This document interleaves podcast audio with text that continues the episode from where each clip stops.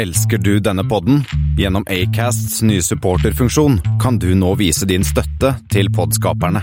Det er helt opp til deg hvor mye du ønsker å bidra med. Klikk på lenken i podbeskrivelsen for å støtte podkasten.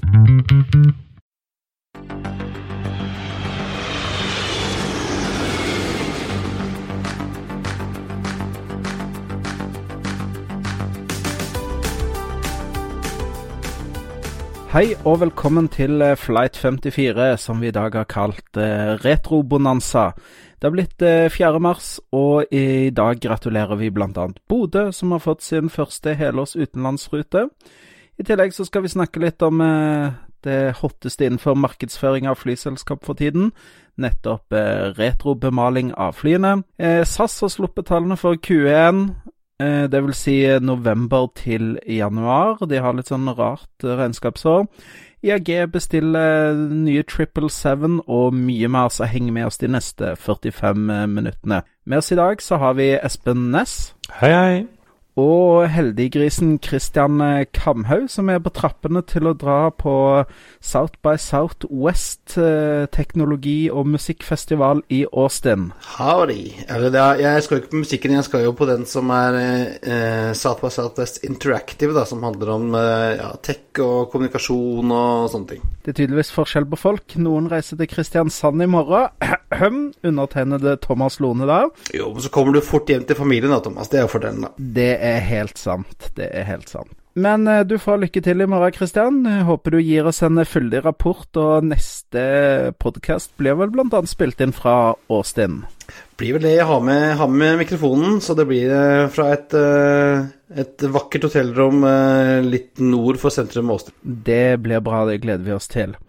Jeg eh, har gravd opp noen Flight 54 til oss i dag, tre stykker. Eh, og da vil jeg begynne med American Airline 54. Ehm, det er ruta fra Miami til Las Vegas. Å, det må være en partyflight, Thomas. Ja, eh, det, det slo meg ikke som en sånn high yield-rute, dette her. Ja, Det er alle gamlingene som er ferdige når de- er lei av å henge rundt på stranda og spille shuffleboard, så drar de til Vegas for å bruke opp pensjonen. Og det bærer kanskje materiellet også litt eh, preg av, fordi at de flyr eh, med en 757-200 fast på den ruta, så det er ikke det nyeste materiellet heller. Jeg er pensjonist ennå, vet du. Nesten. Nesten. Eh, Så har vi en annen som går med litt større og litt nyere materiell. Det er Turkish 54, Istanbul-Singapore. Og så kanskje den som eh, i hvert fall har størst blanding av materiell, det er SK54. Stockholm-Arlanda til Sundsvall. Den går med A320, av og til med 737, og innimellom med ATR. Så der kan du få en fin eh, potpurri av flymaskiner hvis du flyr SK54. Men hvor flyr Singapore SQ54, vet dere det? Nei Nei. Nei, tar ikke den på stående fot. Nei, for den fins ikke. De har både 51 og 52, men de mangler 53 og 54-paret, så her er det jo en åpning for Singapore-Oslo. Oh yes. Det er ikke det at det er en, eh, en eh, flight som har hatt et uhell, da, så de har liksom uh, retired den. For det skjer jo alltid med flighter som har hatt en et, For det i hvert fall, når de har en ulykke med en flight, så, så bruker du ikke det flightnummeret lenger. Nei, jeg kunne ikke Ikke som jeg husker, men det er i hvert fall en ledig slott. Jeg tror de hadde flere andre ledige numre også. Så konklusjonen er at, uh, at Singapore Airlines, i hvert fall i, i rutenummerporteføljen sin, har uh, god plass til en eh, Oslo-rute, og det er jo godt å vite. I hvert fall ett eh, praktisk hinder mindre. Ja, du får, du får, du får høre, høre nøye etter, Henrik Hallevold. Men eh, det har jo skjedd mye sist uke òg, eh, og jeg tenker at vi bare hopper rett i det. og Willy Walsh og gjengen har vært på handletur, Espen. Hva er det de skal kjøpe nå? Denne gangen har da IAG vært i Ja, hvor, hvor har de vært? Eh, Det er jo Chicago egentlig som er hovedkvarteret til Boeing nå etter hvert, selv om disse maskinene lages i Seattle. Men de har i hvert fall bestilt 18 777-9 eh, samt eh, 24 opsjoner. Eh, det er jo sånn litt eh, morsomt, for her er det IAG nå, de, eh, i hvert fall på widebody, går jo etter prinsippet at alle skal få. Så her eh, det er nøyaktig like mange som de har i bestilling av eh, Airbus 350 000 til- til eh, BA, de maskinene òg, så de vil i hvert fall da få 18 maskiner av hver. Er ikke de sånn i størrelsesmessig ganske like? Uh, denne her er litt større, og de skal bl.a. i hvert fall i starten konfigurere dem litt annerledes. For jeg tror disse 350-ene mener jeg husker ikke skulle ha first class, mens disse skal ha det. De skal bl.a. overta, som de har sagt selv, at disse skal uh, erstatte 14 747-400-maskiner og fire 727-200-maskiner da mellom 2022 og 2025. Og de får da, da er det 324 seter og da fordelt på fire klasser. Så det er First Business, Premium Economy Economy, da? Ja, det stemmer. Eh, de skal vel ha bare Ja, det ser ut som de går litt ned på First. De skal bare ha åtte First. De har vel en hel drøss av de akkurat i dag. Og så var det 65 business class-seter og 46 Premium Economy, 206 i Economy. Eh, sånn at de skal liksom overta der de bruker disse 747-maskinene i dag som er liksom stor business class, og det er liksom typisk de skikkelig forretningstunge rutene. Tenk London, New York. Husker du hvor mange seter de har i, i 747-400, da? Klarer de, klarer de som erstatte de sete for sete, egentlig? Ja, det er omtrent det samme. Jeg husker ikke helt nøyaktig. De har jo så mange business class. De har bitte liten economy-seksjon, så det er jo ikke rart i det. Nei, for det var, vi snakket, som vi snakket om for litt siden, om eh, som er det noe marked for de store, store firemotorsen lenger, når øh, nesten ingen kjøper nye 747-er og Airbus har lagt ned 380-linja, så Holder det med en, en, 74, en 777-9 og en A350 000, liksom? Ja, for det har jo vært mot hva skal jeg si, 7478 har jo blitt utkonkurrert. Det er egentlig 777 kall den tidligere 300 og nå denne her, for den er jo omtrent like stor. Det er, du, får, du går glipp av de aller billigste setene. Ja, og de kan vi leve uten. De kan man leve uten. Men A350 1000, den um, det er en maskin jeg ikke helt har skjønt meg på um, den, den, skal vel konkurrere med altså 777-300 ER og, og, og, um, og den nieren. Mm. Men uh, har, han, uh, har han rekkevidden til disse her? Ja, den har uh, ja, Nå husker jeg ikke helt rekkevidden, men den har lang rekkevidde. det som er fordelen, er jo at den har den er, annet, den er litt mindre, men den er en del lettere. Ja, riktig. For det, fordi at jeg vet jo f.eks. Singapore Airlines bruker jo disse 1000 eh, en del på en sånn mellomlange sektorer, ikke på de lengste longhold-sektorene. Ja, du mener Cathay og Qatar? Ja, ja unnskyld. Ja. Eh, så, så de, de, de, blir jo ikke brukt på de lengste segmentene, da, de lengste flightene. Nei, Jeg husker ikke helt rekkevidden, men uh, de, kan, uh, de, kan, fly svært langt. Og, men det handler jo litt om, da, det sist, til syvende og sist, er jo setekostnadene som er avgjørende. Så de bruker dem kanskje nå på ikke de aller lengste rutene, men det skyldes vel ikke bare pga. rekkevidden. Selv om det er jo ikke de det flyet med lengst rekkevidde. Uh, men de har gjort en del forbedringer på den. Så det er ikke bare en ren sånn stretch av 900-modell. Nei, riktig. Jeg ser her nå på tallene, så er det jo faktisk uh, den uh, 777 uh, For eksempel 300 ER har jo en rekkevidde på en ja, ca. 14 500 km, mens på den eh, A350 000 så kan man eh, legge på nesten 1000 km til, så den går jo faktisk lenger. Eh, den matcher jo nesten opp mot 7879 og er ganske mye bedre enn 78710, så det, det Ja, det var, det, den har en god rekkevidde, og med da hvis du klarer å stappe den godt over 300 mennesker igjen, så, så blir nok det en bra maskin for fra British Airways, f.eks. Og den ser jo veldig fin ut. Altså Jeg har sett de bildene som de har eh, Som BA la ut sammen med pressemeldingen, så ser det jo uh, 777-9 fantastisk ut. Bra ut, må jeg si. Ja, det, den 777-9-en, den, eh, den blir flott, altså, sånn estetisk. Så den, den gleder meg til å, å både se og kanskje fly med selv. BA eh, de har jo opsjoner på 24, så du skal ikke se bort ifra at de eh, kommer til å handle mer trippel sevener i, eh, i fremtiden. Så det, eller IAG, så det, det, skal bli spennende. Kanskje noen går til Spania, eller kanskje flere i, blir på det britiske. Ja, Iberia har jo noen 340 som trengs å byttes ut etter hvert. Ja, de har jo allerede bestilt et 350-900 inn. Men det er jo først og fremst BA som nå etter hvert deres sånn trippel 200 begynner å dra litt på årene. Så de skal jo erstatte eh, IAG, har jeg sagt selv. De skal fly dit til de blir sånn rundt 30 år, og det er sånn fra midten av 2020-tallet og utover. Så det må jo komme en eller annen bestilling for dem innen jeg vet ikke, to-tre to, år. Tenk det at 777 begynner å nærme seg 30 år. Det er ganske Det er ganske crazy. Ja. Første er jo på museum allerede, i, i Arizona. Ja, og flere er hugget opp allerede òg, så det tiden, eh, tiden går. Men eh, vi kan jo hoppe videre. Vi skal ikke så langt unna England. Vi drar til eh, Sverige, Danmark og Norge. Og um, SAS leverte vel eh, som eh, du forventa, Christian? Var det ikke litt sånn eh, på, på, det jevne? Jo, det var vel ingen som ble så veldig overraska over det der. Endte jo på på vel et, et, overskudd før Nei, underskudd før, før skatt på, på, 724 millioner svenske, mot 385 i samme periode i fjor. Og det er jo først og fremst fuel som gjør dette. fordi at ser du på enhetsinntekten, så er den fortsatt opp. Yielden er fortsatt opp, mens enhetskostnaden er nesten på stedet hvil hvis du trekker fra fuel. Legger du på fuel, så er det sånn Oi, der kom det 400 kroner til, da.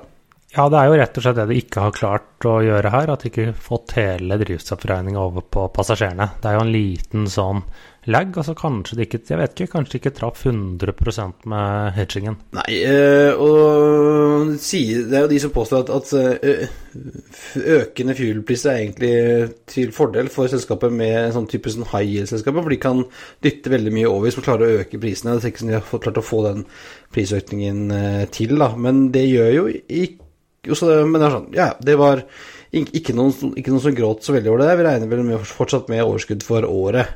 Ja, for det er jo en litt sånn, og det er jo en litt sånn forsinkelse i ja, det. det er jo et dårlig kvartal uansett. Ja, SAS taper alltid penger i dette kvartalet. Som... Alle taper jo penger i første kvartal. Men, men, det som også er litt spennende å se, er jo da hvordan oljeprisen utvikler seg videre. For det som kom fram nå, er jo at SAS har jo omtrent sikra ja, alt fram til sommeren. Ja, jeg så det. Eh, Dra Norwegian, som ligger mer short? Ja, Norwegian kjører jo, har jo sånn De går liksom begge veier, plutselig. Enten så, så, så hedger de, eller så shorter de, og så Ja. Eh, de har ikke gjort uh, like mange gode bets, vil jeg si, da. Det blir spennende å se, fordi at det, ironisk nok da, så må jo da SAS faktisk håpe på en høy oljepris de neste halve året. Hvis ikke så vil jo de tape stort på disse kontraktene sine. Så det er jo De har jo Ja, de har jo sikra seg der, så det blir jo spennende å se hvem som får eh, rett til slutt. Ja, og som vi har sagt uh, tidligere, så er det jo sånn at uh, for SAS så er jo egentlig en høy oljepris bra, uh, fordi at det har så mye å si for norsk økonomi og Stavanger-regionen og sånn også, og fordi de klarer å ta ut mer av et premium uansett. Men det er jo, Thomas, er det noen som også har troen på SAS?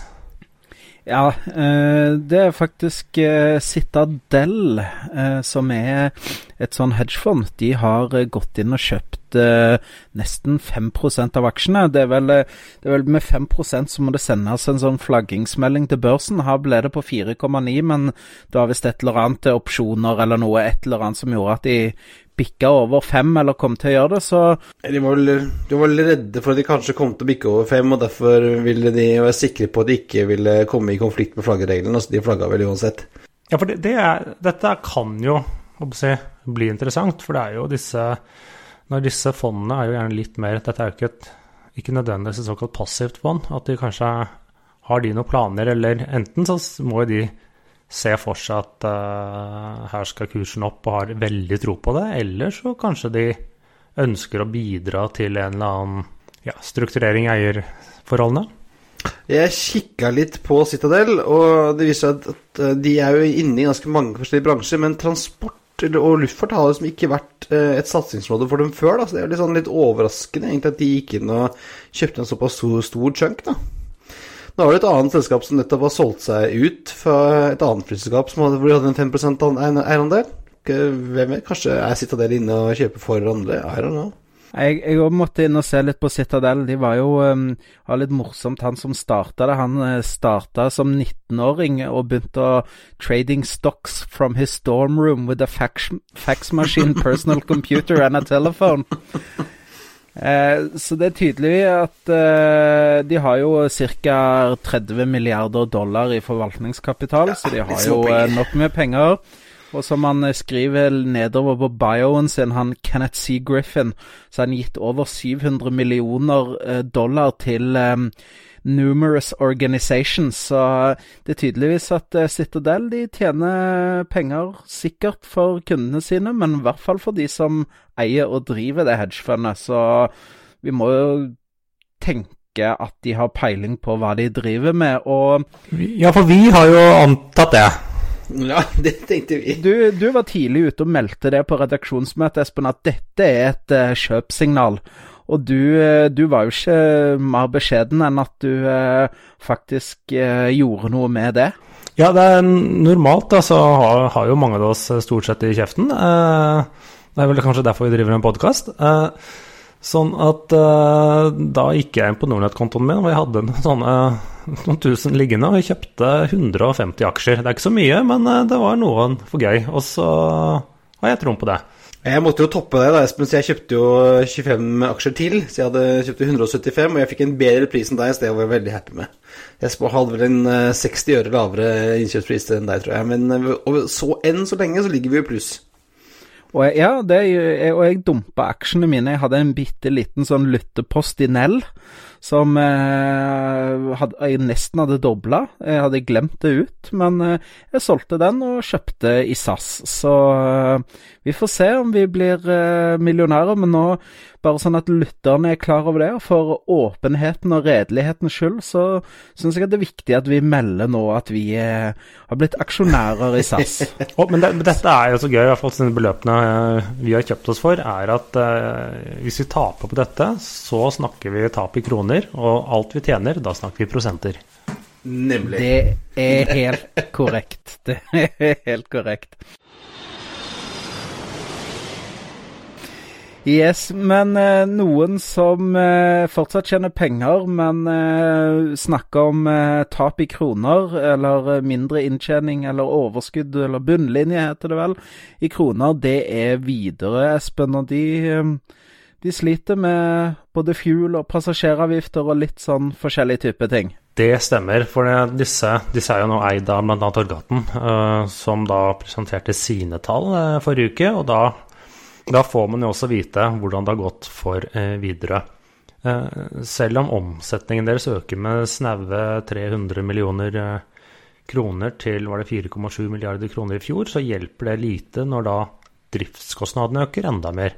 Med da nesten 400 millioner kroner til ja, nesten 4,3 milliarder. Slik at da eh, resultatet eh, ble jo nærmest halvert til drøye 100 millioner kroner pluss. Så det er en halvering fra i fjor. Og så er det nesten ned eh, tre fjerdedeler fra hva de hadde for to år siden. Så her har det jo gått eh, nedover og nedover. Og de, eh, de skylder jo da primært på, på da økte fuelkostnader, men også da de har jo vært hardt rammet av økningen i passasjeravgiften. Ja, det koster jo å fly jetfly. Det bruker mer fuel en propeller. Ja, så har det nok kosta en god del å innfase disse her. Altså, vi husker jo det at det var jo ikke akkurat eh, et flyprogram som det lukta svidd av de starta med. Det var jo nok, nok, sikkert helt fornuftig, det. Men det er klart eh, å ha en del E2-er stående på bakken i 18 av døgnets 24 timer, det, det ble jo ikke butikka sånn. Det er vel litt sånn si, ut, utgift i inntektservervelse på et eller annet tid, slik at de da forhåpentligvis uh, kanskje kan se en bedring i resultatene. For det er jo uh, fordelen med disse flyene er jo at de har mulighet til å kanskje få ut økte inntekter òg, og det ser man jo hvordan de har holdt på ja, nå i det siste. Blant annet det de flyr for Finner, som de vel begynte med egentlig ved juletider. Sånn, eller de har jo fløyet til Helsinki, men nå flyr de jo for dem fra Helsinki til er det Berlin og og en del sånne Budapest og litt sånn forskjellig? Ja, og skal fly mye charter eh, til neste år. Og det er jo trafikk de ikke hadde i fjor, som da vil øke i hvert fall inntjeningen. De hadde vel en bitte liten charterrute til Antalya eller noe sånt, men ja, det, det vil jo øke det. Uh, og jeg tenker det at uh, hvis D2-ene leverer uh, holdt jeg på å si, god driftsstabilitet, så, så, har de jo nesten to fly engasjert fulltid hos Finnair. Så det er jo klart det må jo bli penger av det, når de leier ut flyene og mannskap og sånn på den måten der, så forhåpentligvis så Og, og ganske risikofritt òg.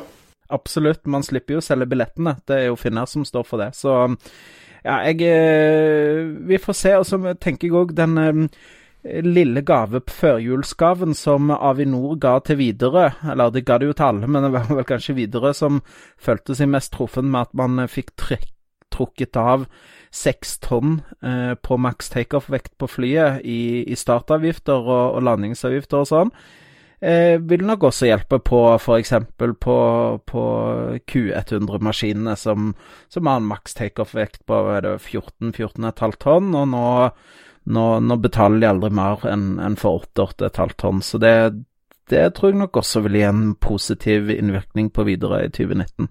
Vi får håpe det. Det er det, men eh, Videre kjøpte seg nye maskiner. Uh, Iceland er de uh, har vært på handletur eller overtar uh, Arve. Jeg var ikke helt sikker på hva det som, som skjer, men uh, fra én liten øystat til en annen.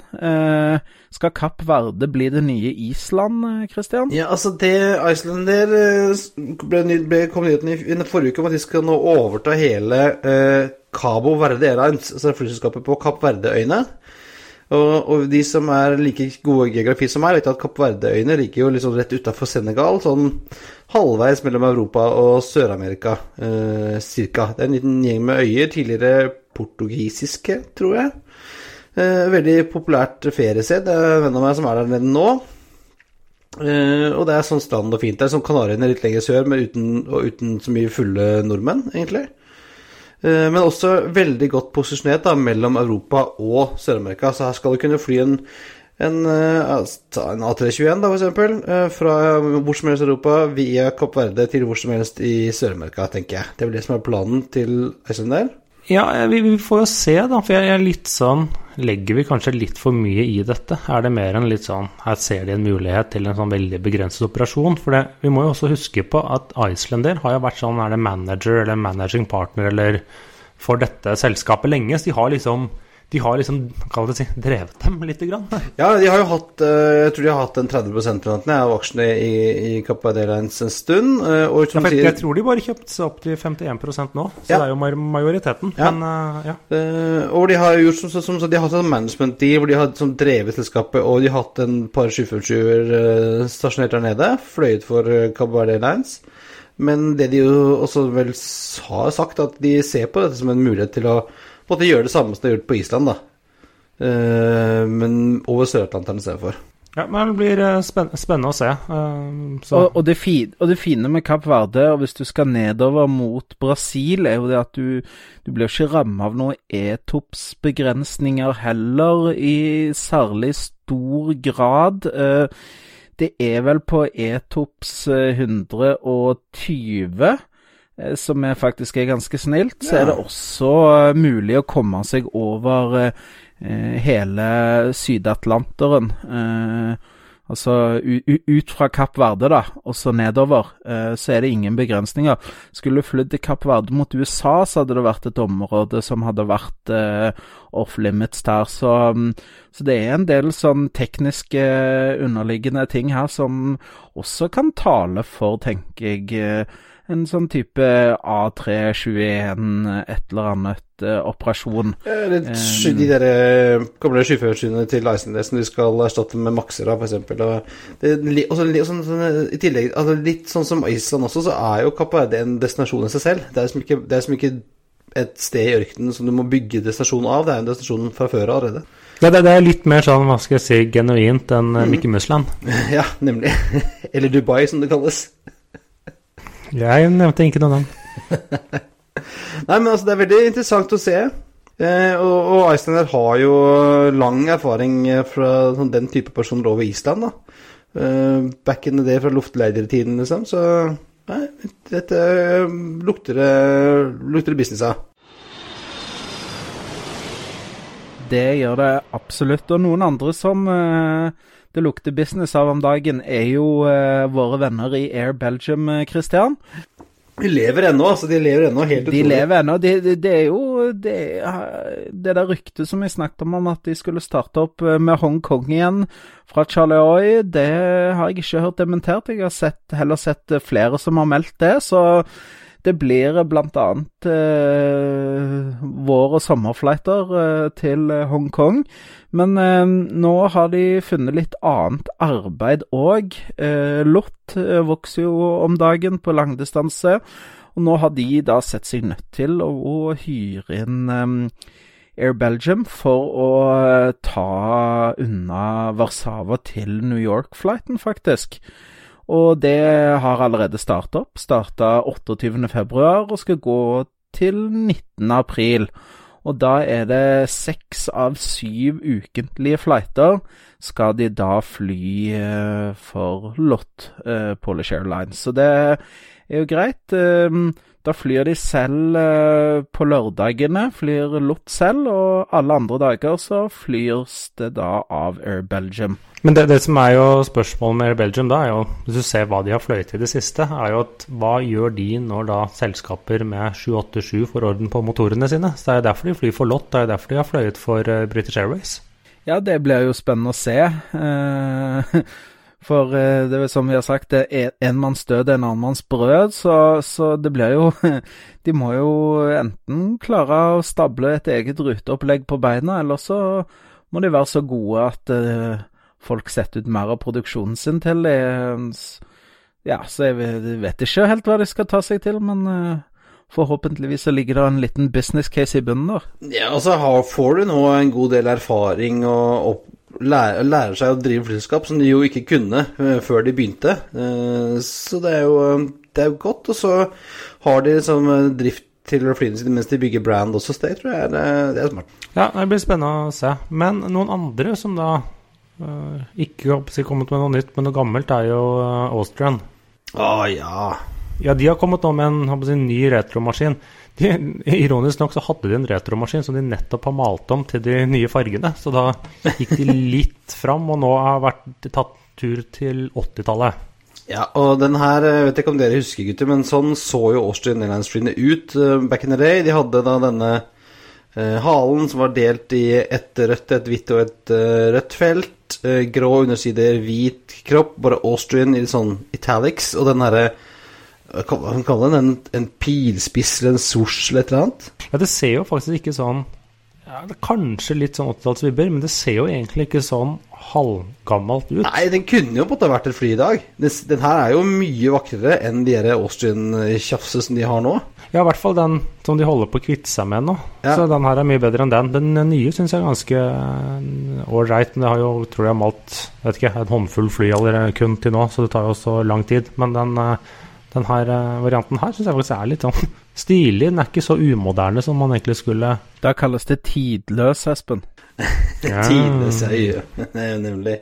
Nei, men den her eh, kunne jo vært design i dag, eh, egentlig som du sier, den eh, er fin og veldig ja, Den liker jeg veldig godt. Men uh, noe annet som vi liker godt, uh, Christian, er jo den nye retromaskinen til British Airways, en A319 som har sust ut ifra malehangaren. Og um, det var, syns jeg var flott. Uh, det var jo litt morsomt. De hadde jo egentlig lyst til å male vingene røde. Ja, for det var jo Det var det jo back in the day, så var de jo røde. Uh, både, oppå, både under og oppå.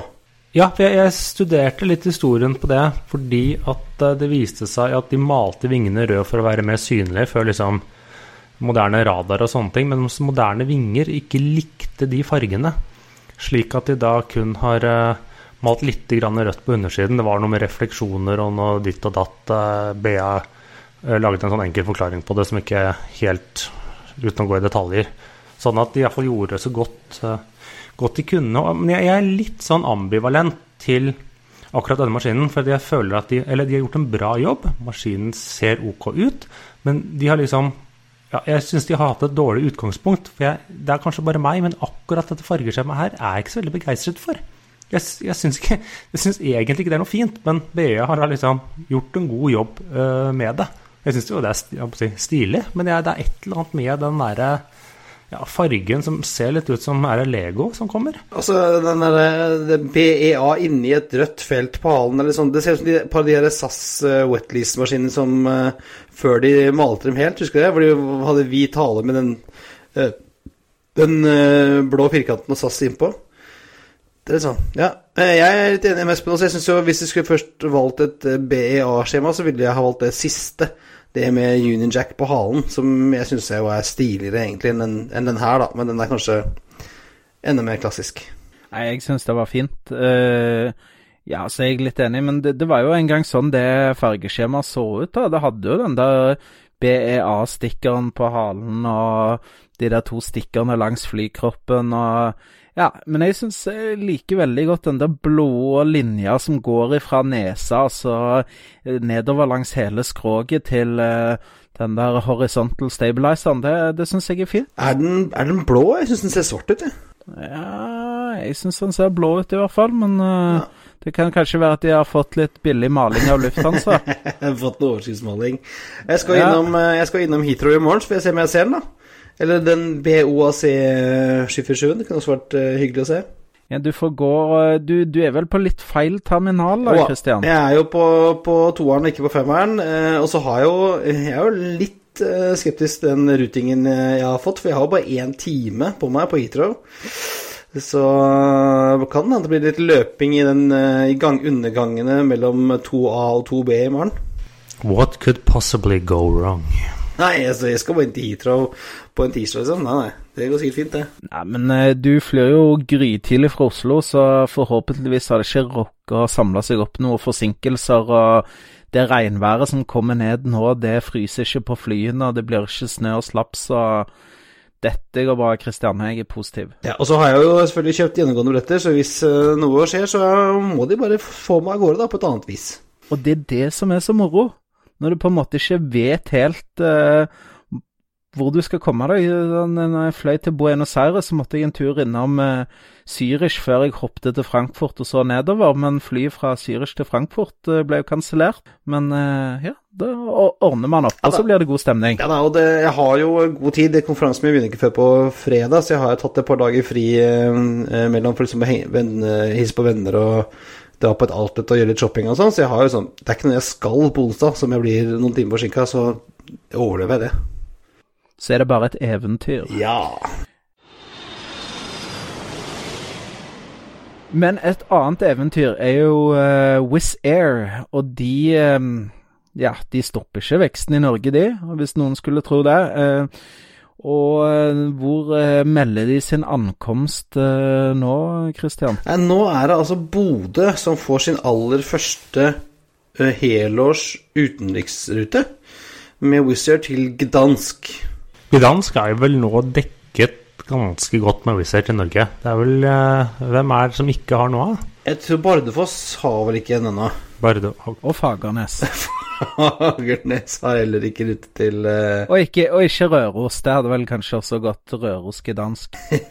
Ja, men, eh, så, men det er jeg inne på Espen. De er jo nå på veldig mange plasser, eh, og det er jo eh, fint, det. For eh, Gdansk er jo også en av disse store nye altså, hubene til uh, Wizards. Så kommer deg jo ganske Nå har ikke jeg sjekka tidtabellen til Bodø. Den går to ganger i uka, skal den gå.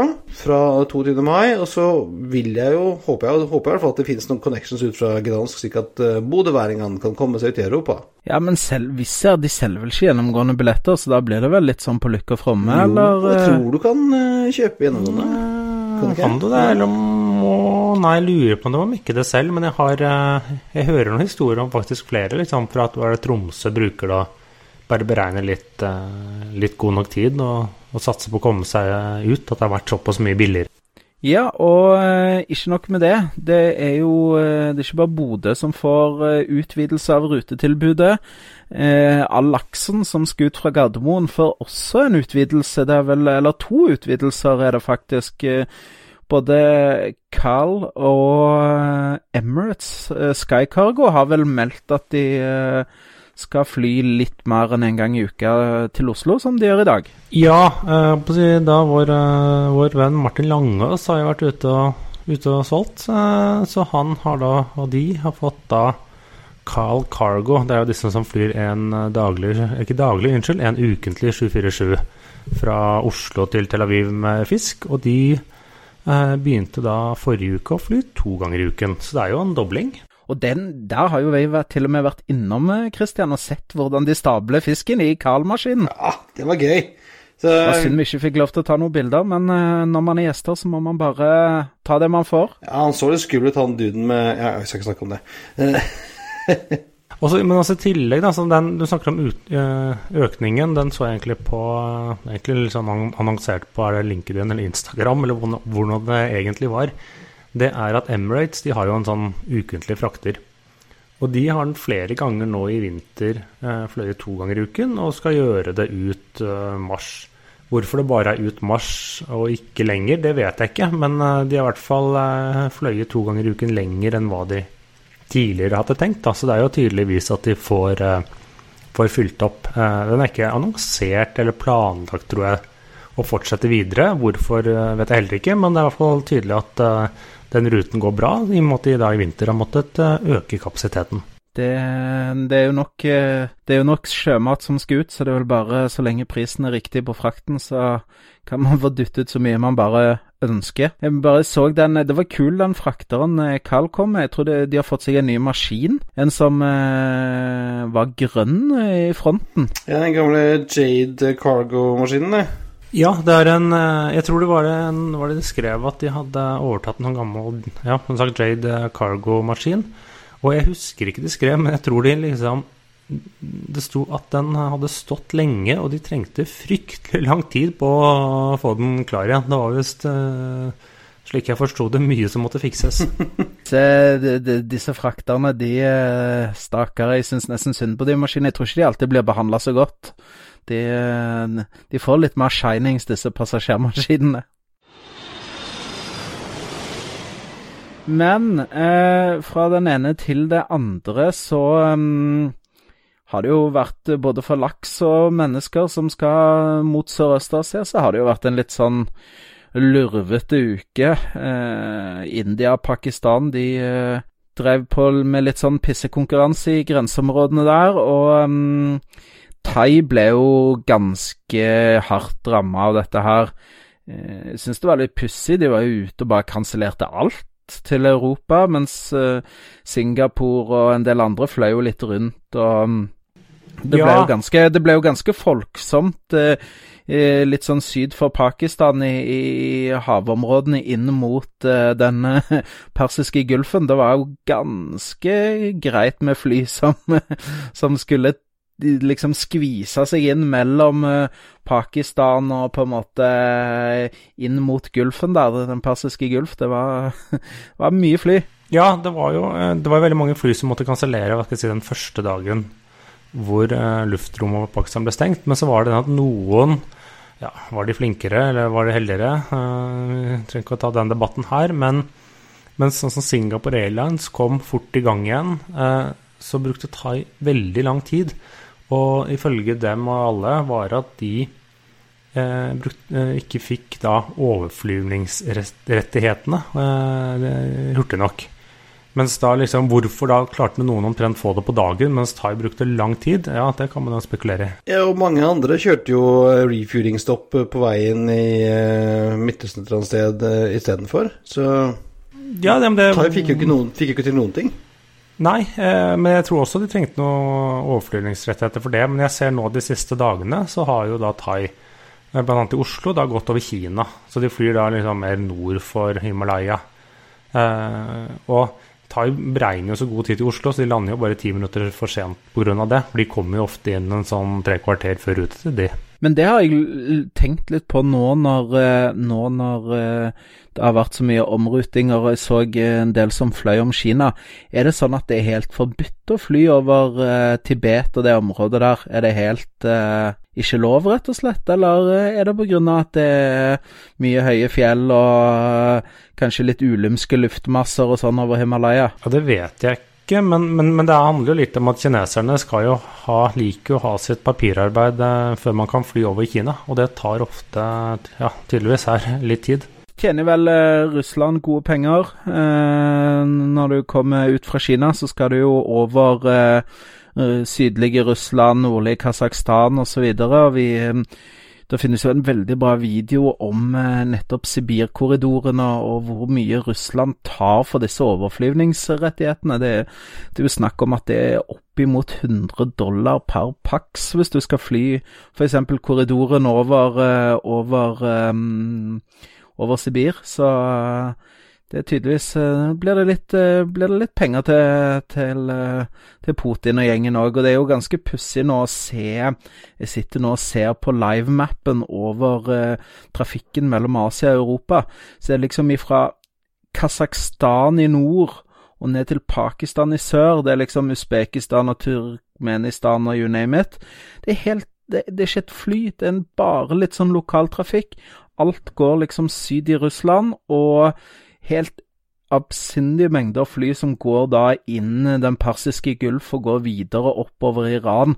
Så jeg tror nok at disse flygelederne i Iran, de har eh, ganske travle dager på jobben eh, om dagen. Så jeg, jeg, tar en screenshot av det, så legger vi det ut, for det er ganske Det er ganske, det er bare kjempestort område uten noe fly. Det blir jo stadig mer problematisk, for du skal ikke fly over Pakistan, du skal ikke fly over Syria, du skal ikke fly over østlig østlige Ukraina, eh, og du skal heller ikke fly over Iran hvis du har amerikansk fly, i hvert fall. Så skal du ikke fly over der heller hvis du er redd for å måtte gå ned. Ja, men jeg tror, jeg tror, amerikanerne faktisk selv flyr over Iran. Men uh, jeg ser jo det på den, hvordan Thai-ruta Ja, men det spør, spør Norwegian om det er smart å fly over, over Iran. Da. Jeg tror ikke du har noe valg, så det er så greit. Men, eh, men det, blir, altså, det, blir, jo vel etter hvert ganske ja, Det blir vanskelig for å navigere rundt her, da. Altså, det jo, må jo bli en del om, omveier. Og er du, er du israeler, får du ikke fly over en del områder. Er du Kuwait Nei, altså Qatar Airways flyr jo rund, rund omveier og sånt. Så det er, ikke, ikke bare en, en, eh, rett linje lenger. Ja, jeg ser jo det på hvordan da sånn Thai her om dagen fra Bangkok til Oslo gikk. Den gikk jo rett nord fra Thailand til den var over halvveis inne i Kina. Liksom rett nord fra Bangkok. I, ser ut som man kanskje fløy et par timer, og så liksom brekker den av da, da vestover. Og egentlig flyr en ganske sånn, nesten rett linje da, over disse ja, indre, indre Kina og inn i Sør-Russland. Nei, det blir eh, spennende å se eh, om de eh, hvordan de lemper på restriksjoner. Det er klart Det var jo noen flyvninger som gikk ifra Var det Iran til var det, Ja, det var, eller Afghanistan til til helt nord i India, eller noe sånt. Det ble jo en flytur som skulle ta sånn, var det sånn 90 minutter. Det ble plutselig fem timer, for du måtte fly sør i hele Afghanistan, og så ut over havet, og så inn i India, altså samme veien tilbake igjen. Så det er jo um, ja, det er store kostnader, dette. Så jeg får håpe at de, at de får orden på dette her, eh, India og Pakistan, ganske fort. For det er kjedelig for flyselskapene og, og spesielt passasjerene som må fly lenger enn det de absolutt må. Men eh, ja, jeg tenker at vi Nå har vi vært utaskjærs av skjærs en stund, så nå får vi hoppe det litt nærmere igjen. Og um, vi snakket jo litt om det sist, gjorde vi ikke det? At den nederlandske stat har kjøpt seg inn i fransk KLM. Og, og, det har jo blitt litt sånn eh, spekulasjoner om det er noe, skal vi si, landskamp på gang, da. Ja, ja, dette skjedde jo egentlig like etter Nok en gang så kom denne nyheten eh, like etter vi hadde snakket om Air France og Colem, som hadde lagt fram eh, tallene sine.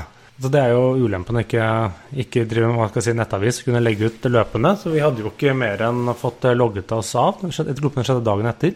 Så var det da kjent at den nederlandske staten hadde kjøpt opp 12% av Air France KLM og hadde tenkt å liksom kjøpe 2% til, slik at de skulle få 14,1 eller annet, og dermed matche den franske staten. For nå eh, begynte nederlenderne å føle seg litt, eh, ja, litt tilsidesatt og fryktet at eh, Air France, som da tjener minst penger av de, skulle stikke av gårde med litt for mye av oppmerksomheten, og at nederlenderne skulle bli veldig satt i baksetet.